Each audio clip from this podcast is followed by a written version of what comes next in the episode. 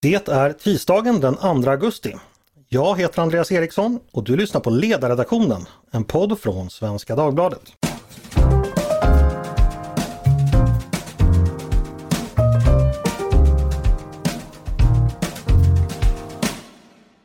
Varmt välkomna ska ni vara.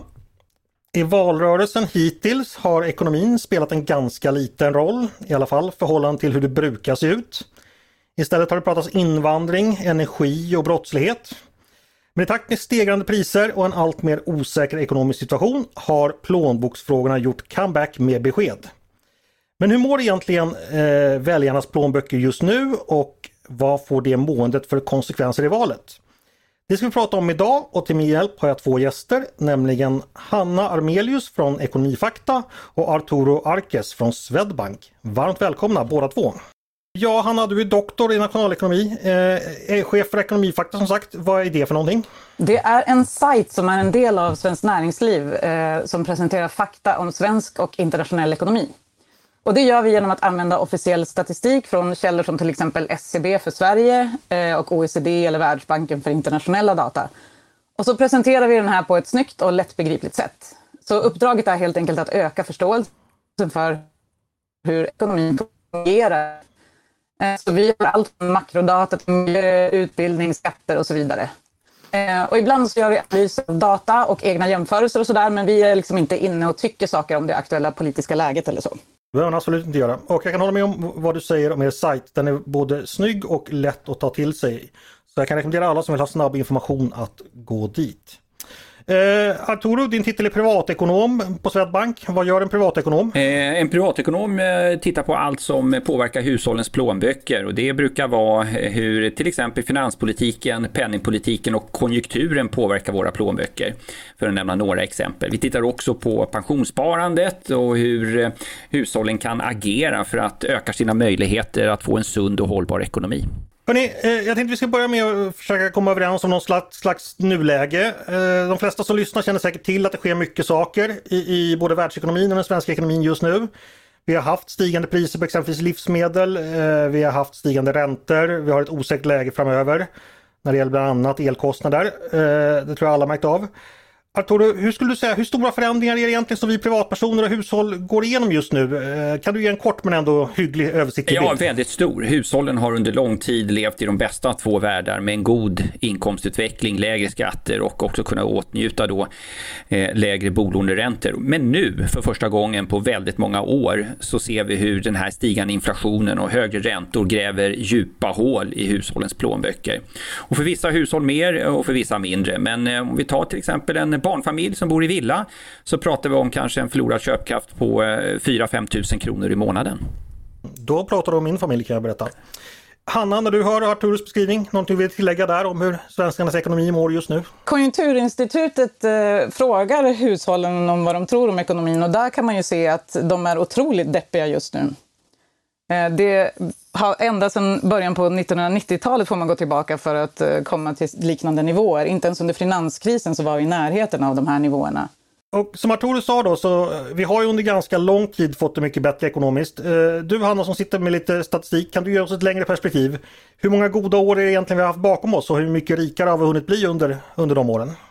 Det är en jättebra fråga och det finns förstås många olika mått att titta på men jag tycker att generellt sett om man ska se hur en befolkning har det över en lång tid så är det bästa måttet BNP per capita.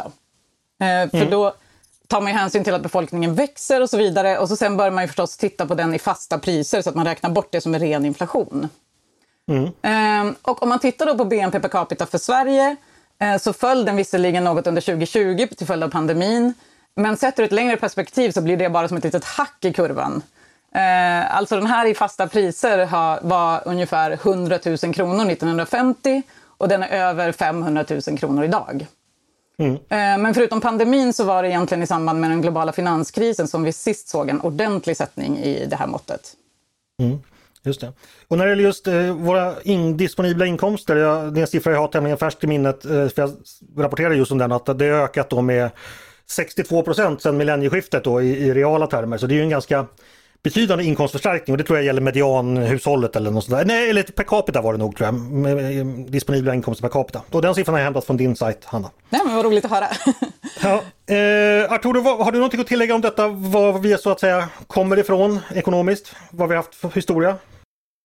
Ja, det enda kanske ska lägga till då, då eh, det är att när man tittar på till exempel BNP-siffran per capita så finns det ju en risk då att man eh, kanske missar den här dynamiken. Vi har ju ändå sett sedan lång tid tillbaka hur inkomstklyftorna har, har ökat i Sverige, kanske mest i Europa sedan, under ganska många år. Eh, och det är det vi privatekonomer försöker göra. Vi tittar på en massa alltså typhushåll, exempelhushåll. Mm. Och där kan vi ju se att, skulle jag vilja hävda, att kanske en femtedel av hushållen idag eh, kämpar ju varje månad med att få sin ekonomi att gå ihop. Så visst, generellt sett så har ju hushållen fått det betydligt bättre. Eh, det gäller många, men inte alla. Mm. Så det är en grupp som släpar efter lite där helt enkelt? Ja, det är det vi har sett också på senare tid hur eh, de olika politiska partierna på, på sitt sätt då försöker att eh, eh, ta hänsyn till det här. Eh, ta eh, de som lever på sjuk och aktivitetsersättning, de arbetslösa, eh, ensamstående med barn och så vidare. Eh, de har ju haft det väldigt, väldigt tufft och nu på senare tid, de sista två, tre åren, så har man på olika sätt då, beroende på vilket parti eh, man företräder, då försökt att, eh, att stötta just de här, de här grupperna. Eh, Arturo, Hanna nämnde ju tidigare det här med eh, dyster inställning hos hushållen eh, enligt Konjunkturinstitutet.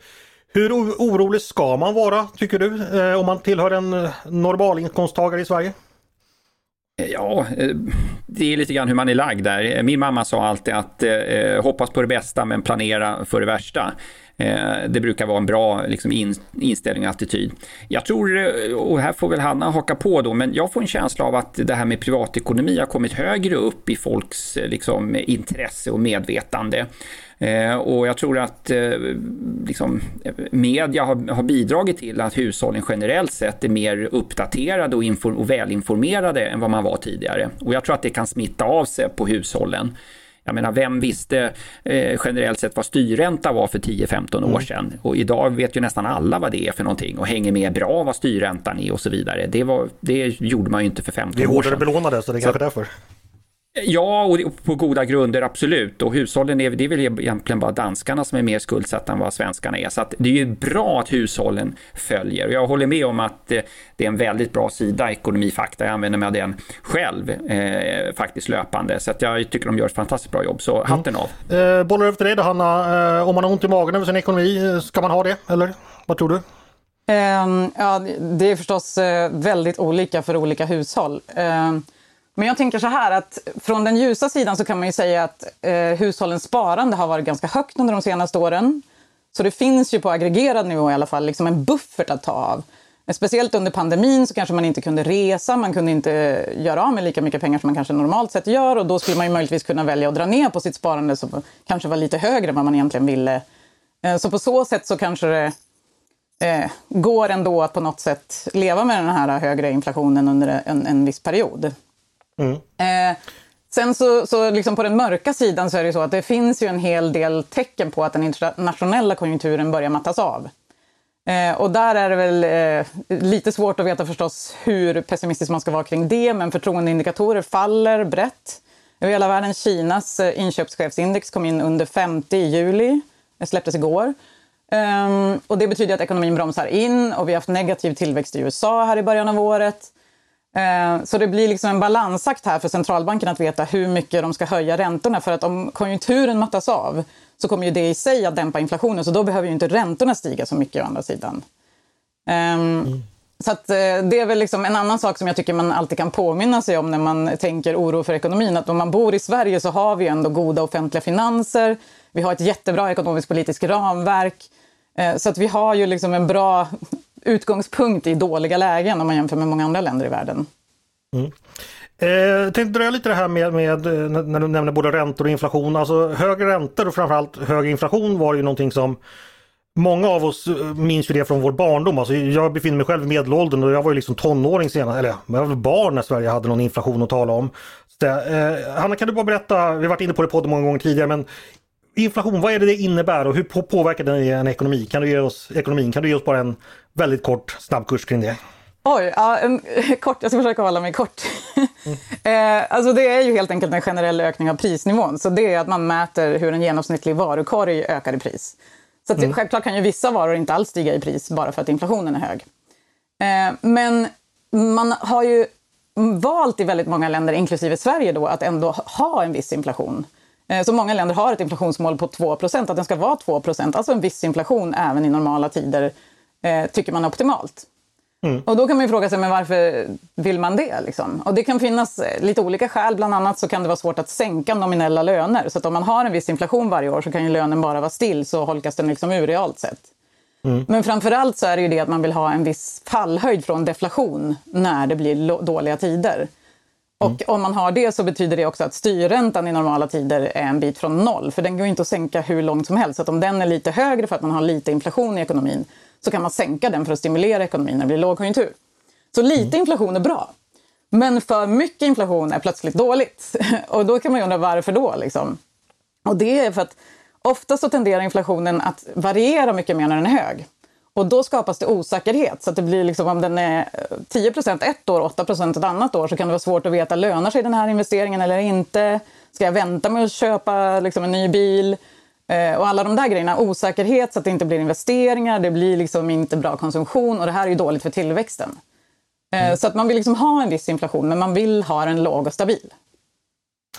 I USA har det dykt upp ett begrepp nu under sommaren här som jag säger att även svenska medier plockat upp, nämligen eh, greedflation kallas det, det vill säga då att Visst ökar priserna men en del då tar ut lite extra prishöjningar för att tjäna lite extra pengar. Eh, är det någonting man har kunnat se i Sverige eller tror ni det finns? Ja, någon av er som vill plocka upp den bollen? Alltså de eh, undersökningar som vi gör på Svenskt Näringsliv visar ju att eh, företagen har det också väldigt tufft i den här inflationen. Och det ser man ju också om man kollar på producentpriserna. De är ju högre än konsumentpriserna. Mm. Eh, så att företagen kan ta ut en viss del i form av ökade priser, men det är ju tufft för dem också. De har ökade insatsvaror och så vidare.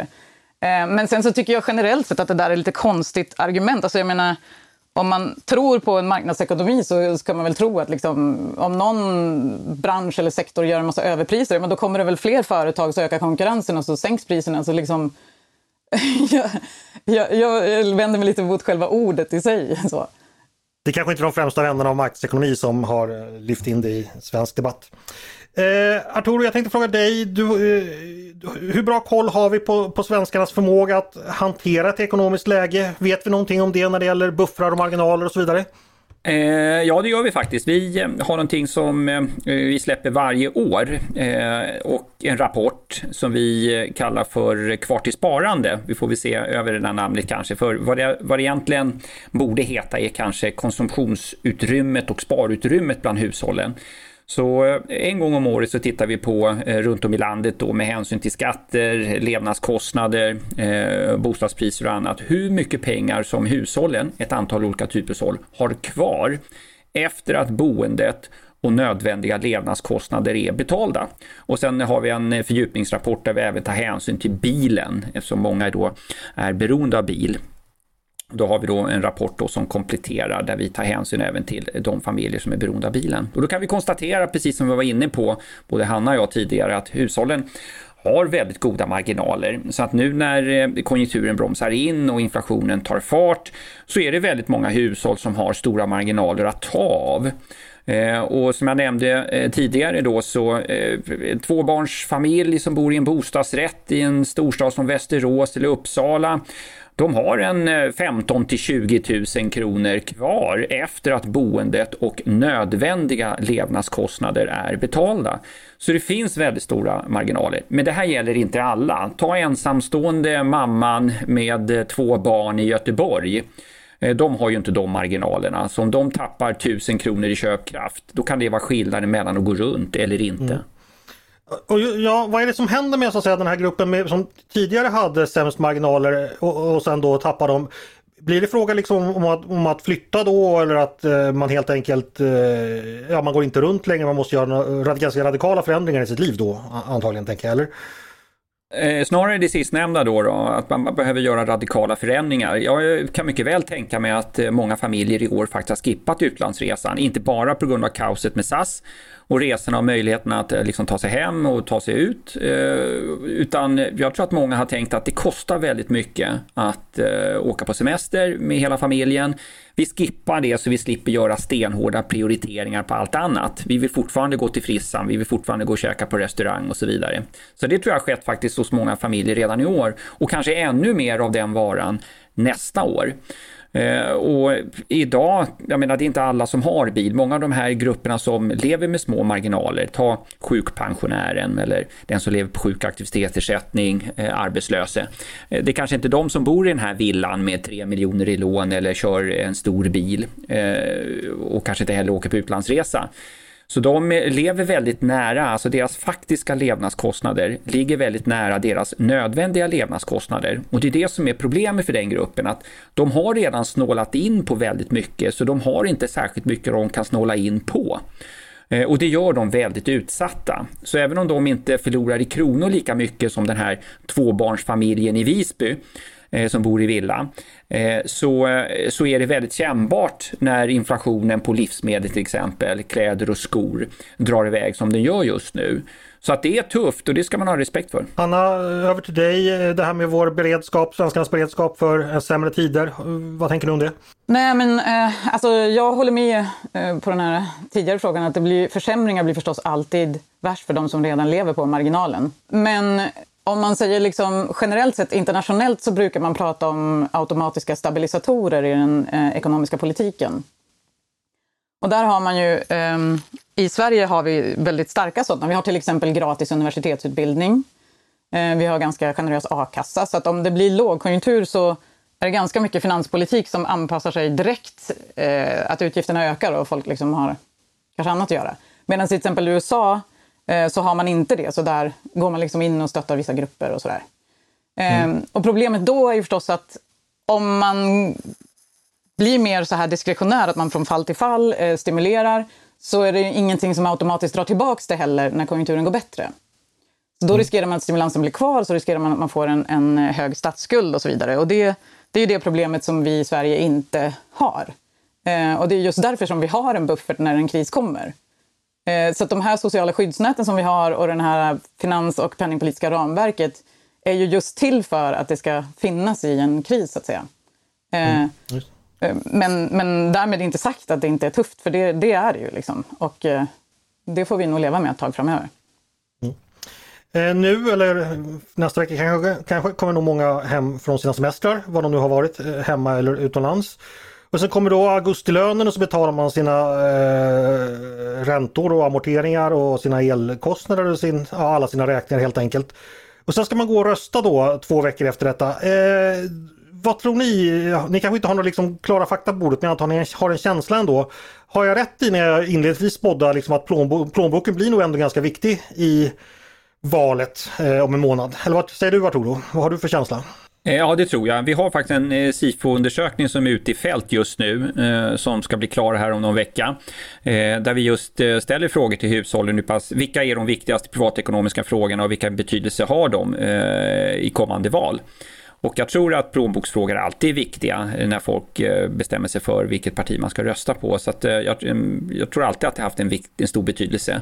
Och just i år kan bli eh, väldigt speciell då med tanke på hur omvärlden ser ut med kriget i Ukraina och pandemin som fortfarande biter sig kvar. Samtidigt som vi ser en kraftigt stigande inflation och stigande bolåneräntor. Så att jag tror att privatekonomiska frågor kommer nog vara extra liksom på agendan i år. Mm. Hanna, vad säger du om det? Hur kommer ekonomin påverka valet? Jag tycker det är jättesvårt att veta. Alltså, um, det är ju väldigt mycket som händer som krig och sånt som kanske känns mera viktigt. Så, men uh, uh, ja, jag tror att det, det, man brukar väl säga så här, det är rationellt att inte ägna så mycket uppmärksamhet åt saker som, som inte betyder så mycket. Liksom. Rational inattention kallar man det på engelska. Som du sa, så här, det är ingen som har tänkt på inflationen. Liksom. Nej, så länge det fungerar bra så behöver man faktiskt inte det. Det är ganska onödigt att slösa energi på att tänka på den. Liksom. Um, så det är klart att det blir ju så. När elpriserna är så här höga, då börjar man plötsligt fundera. Liksom, vad betalar jag egentligen i el och hur funkar det? och sådär. Um, så på så sätt så kanske... ja, om folk blir intresserade så, så hoppas jag att vi kan vara där i alla fall med bra fakta så att man kan få ett bra underlag inför valet. Mm. Eh, jag tänker mig det, om det är så att, eh, ja vi har vår tes i alla fall att väljarna är intresserade, då kommer ju politiker och partierna förstås också bli intresserade. Det har ju redan varit en del förslag inne på hur man ska kunna underlätta och hjälpa hushållen. Ja, vi har ju till och med infört några, vi, vi som eh, hade höga uppvärmningskostnader i vintras har ju fått en slant för dem. Det har talats om vad man ska få för, för drivmedel också. Det talas om amorteringskravet och lätta på det kanske. Eh, det är en del förslag som är ute och, och valsar. Vilka tänker ni skulle ha stor effekt för, för hushållens ekonomi och vilka tror ni, tror ni kommer dyka upp i diskussionen helt enkelt? Om ni får spekulera fritt. Alltså det, den enskilt största utgiften för hushållen det är boendet. För vissa barnfamiljer så kan det vara livsmedelspriserna, men boendet är för de allra flesta kanske den enskilt största utgiften. Och det är klart med, med stiga, kraftigt stigande räntor och med en hög andel med rörlig ränta så är det klart att eh, det här med amorteringskravet eh, ligger nära till hands. Så det finns ju många eh, organisationer, bostadsutvecklare inte minst, som eh, driver hårt eh, sin kritik mot eh, gällande amorteringsregler. Ur ett privatekonomiskt perspektiv så är jag positiv till att vi har amorteringsregler och jag har ju faktiskt tittat på hur amorteringsreglerna ser ut i stora delar av Europa och kan ju enkelt konstatera då att vi har inte hårdare amorteringskrav än andra. Eh, och I dagsläget tror jag inte att man kommer att förändra eh, amorteringsreglerna, eh, men eh, det ska inte uteslutas, eh, för vi vet inte riktigt vad som kommer hända med ränteutvecklingen framöver, även om vi tror oss veta allihopa att eh, räntan är på väg upp och att vi kommer få betala betydligt högre räntor om ett år jämfört med vad vi gjorde för ett år sedan. Så eh, amorteringsreglerna eh, kan inte uteslutas att det kan komma att justeras som någon form av temporär eh, åtgärd för att eh, lätta på trycket för hushållen som är hårt pressade, absolut. Eh, och sen, ja, jag är lite tveksam till alla de här eh, åtgärderna som vi har sett nu. Eh, och precis som Hanna var inne på, finns ju risk att de här eh, stödåtgärderna för vissa hushåll eh, liksom blir kvar även när konjunkturen vänder. Eh, men som sagt, den enskilt viktigaste punkten som jag tror att många hushåll fokuserar på, det är amorteringsreglerna och det skulle ju lätta på trycket avsevärt för de hushåll som är pressade. Eh, Hanna, har du någonting att tillägga? Nej, alltså jag egentligen inte. Jag, jag, kan bara passa på att slå ett slag som sagt för den långsiktiga politiken generellt sett. Eh, jag tror att det här äh, finanspolitiska ramverket som vi har haft sedan 90-talet har alltså tjänat oss väldigt väl. Så att man, man ska fundera ett par gånger innan man avviker allt för mycket från det. En fråga som är lite kanske mer, äh, ja, det får ni också spekulera om, men det här med att, att människor då äh, ska veta med sig att det kommer goda tider och det kommer sämre tider. Och även fast de goda tiderna oftare är vanligare än de sämre tiderna så ska man ändå vara förberedd på, på, på de sämre tiderna. Är det någonting som finns där ute skulle ni säga i, i människors medvetande? Eh, och då får ni väl mest gissa eller tro vad ni har för, för känsla. Jag kan bara ta den då. Vi gör ju återigen eh, årliga undersökningar där vi tittar liksom på hushållen, eh, hur de sparar, hur stor andel av disponibel inkomst till exempel som man eh, använder till sparande, eller som går till sparande. Och hur mycket man har i sparbuffert och sådana saker. Då kan vi konstatera återigen att Eh, tre av, liksom, eller fyra av fem familjer har ett regelbundet sparande och har en sparbuffert liksom på eh, ja, en till två månadslöner eller mer. Så för många så är man medveten om att det är bra att ha en buffert, det är bra att man har ett regelbundet sparande, men det är inte alla som, som kommer upp till eh, eller har de möjligheterna och de förutsättningarna att, att liksom lång, långsiktigt bygga upp den här sunda och hållbara ekonomin. Men eh, jag skulle vilja påstå att över tid så tycker jag mig se en ökad medvetenhet kring hur viktigt det är att ha marginaler. Och är det någonting jag tror vi har lärt oss under pandemin, oavsett om vi är privatpersoner eller företag, så är det vikten av att ha marginaler. Vi har eh, en konjunktur som utvecklas eh, både positivt och negativt. Eh, vi har en inflation och räntor och annat som kan variera över tid och påverka våra plånböcker. Och då är det bra Eh, att ha marginaler i sin ekonomi. I synnerhet eh, om man är högt, eh, högt skuldsatt, vilket många hushåll är idag. Mm. jag tänker så här, det är ju så att vad jag minns de så att säga, ekonomiska turbulenta tiderna, det är då givetvis pandemin som var för två år sedan bara och ett år sedan. Vi hade den stora recessionen, finanskrisen 2008-2009 och så hade vi IT-kraschen runt millennieskiftet och sen hade vi finanskrisen, den svenska finanskrisen på 90-talet. Nu är vi förstås i ett läge där vi, vi kan inte förutsäga framtiden men vad ser ni, framför er att vi hamnar någonstans om man ska jämföra med, med forna tiders turbulens? Vilka likheter och skillnader finns med dem? Är det någon av er som skulle våga ge på en, försöka dra någon parallell till någon av dem? Ja, det är en svår fråga. Ehm, ja, den är jättesvår, jag förstår det. Men jag... alltså, jag tror att det, det, det är en ganska en märklig kombination att, att uh, räntan är så låg och inflationen är så hög till exempel. Mm. Uh, att vi, det är ju lite av en annan, det är ju inte en finansiell härdsmälta som det var 2008-2009. Uh, men uh, jag tror att man ska komma ihåg också att mycket av de här sakerna beror ju på egentligen på pandemin och även i viss mån kriget och sådär. Men jag menar att Kina stängde ner så pass mycket som de gjorde.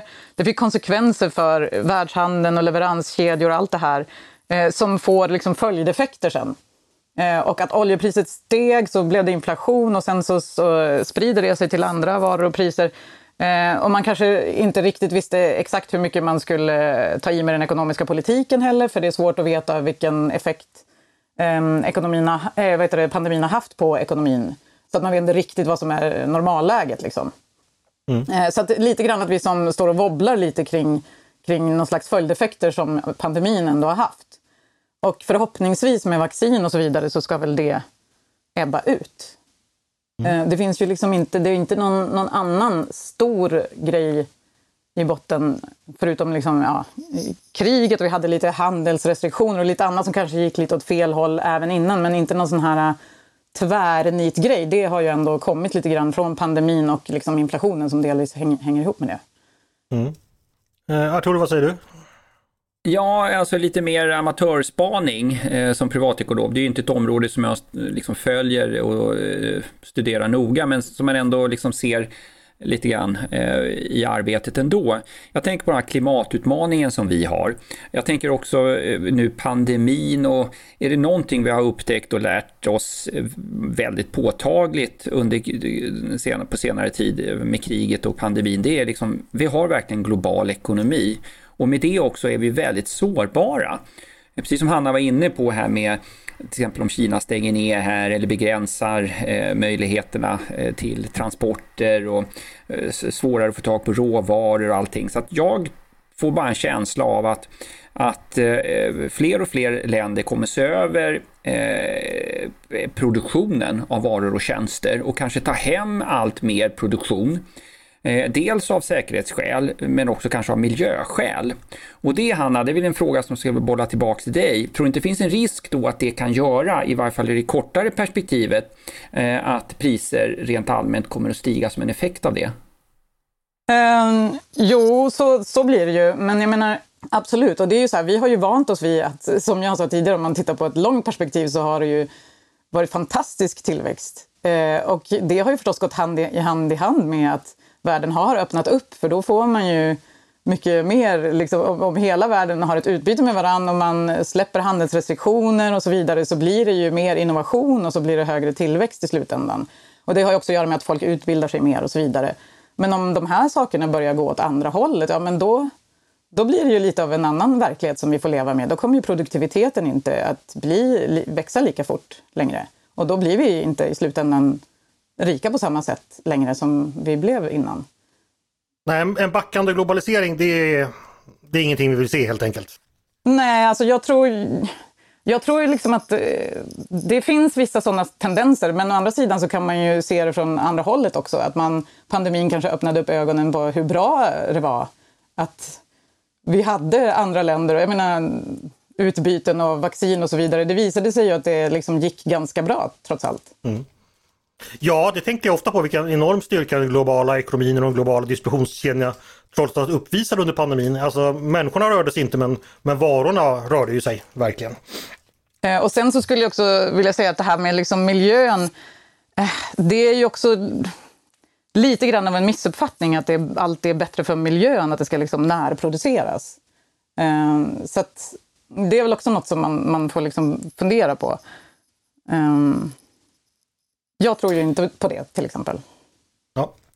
Vi får se hur det blir och vi får se hur det går med våra plånböcker och vi får se hur det går med eh, ett eventuellt plånboksval i, i höst. Hur mycket det kommer betyda när vi väl ska stå där och lägga i vår lilla röstsedel. Betyder sedlarna i plånboken någonting också? Eller ja, sedlar i plånboken har man ju inte längre men pengarna på kontot i alla fall. Varmt tack Hanna Armelius och Arturo Arques för att ni ville komma hit till mig idag. Tack så mycket. Tack och tack till er som har lyssnat också på Ledarredaktionen, en podd från Svenska Dagbladet. Ni är varmt välkomna att höra av er till redaktionen med era tankar och synpunkter på det vi har precis diskuterat.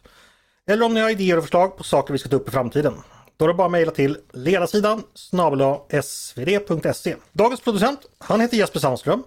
Jag heter Andreas Eriksson och jag hoppas att vi hörs igen snart.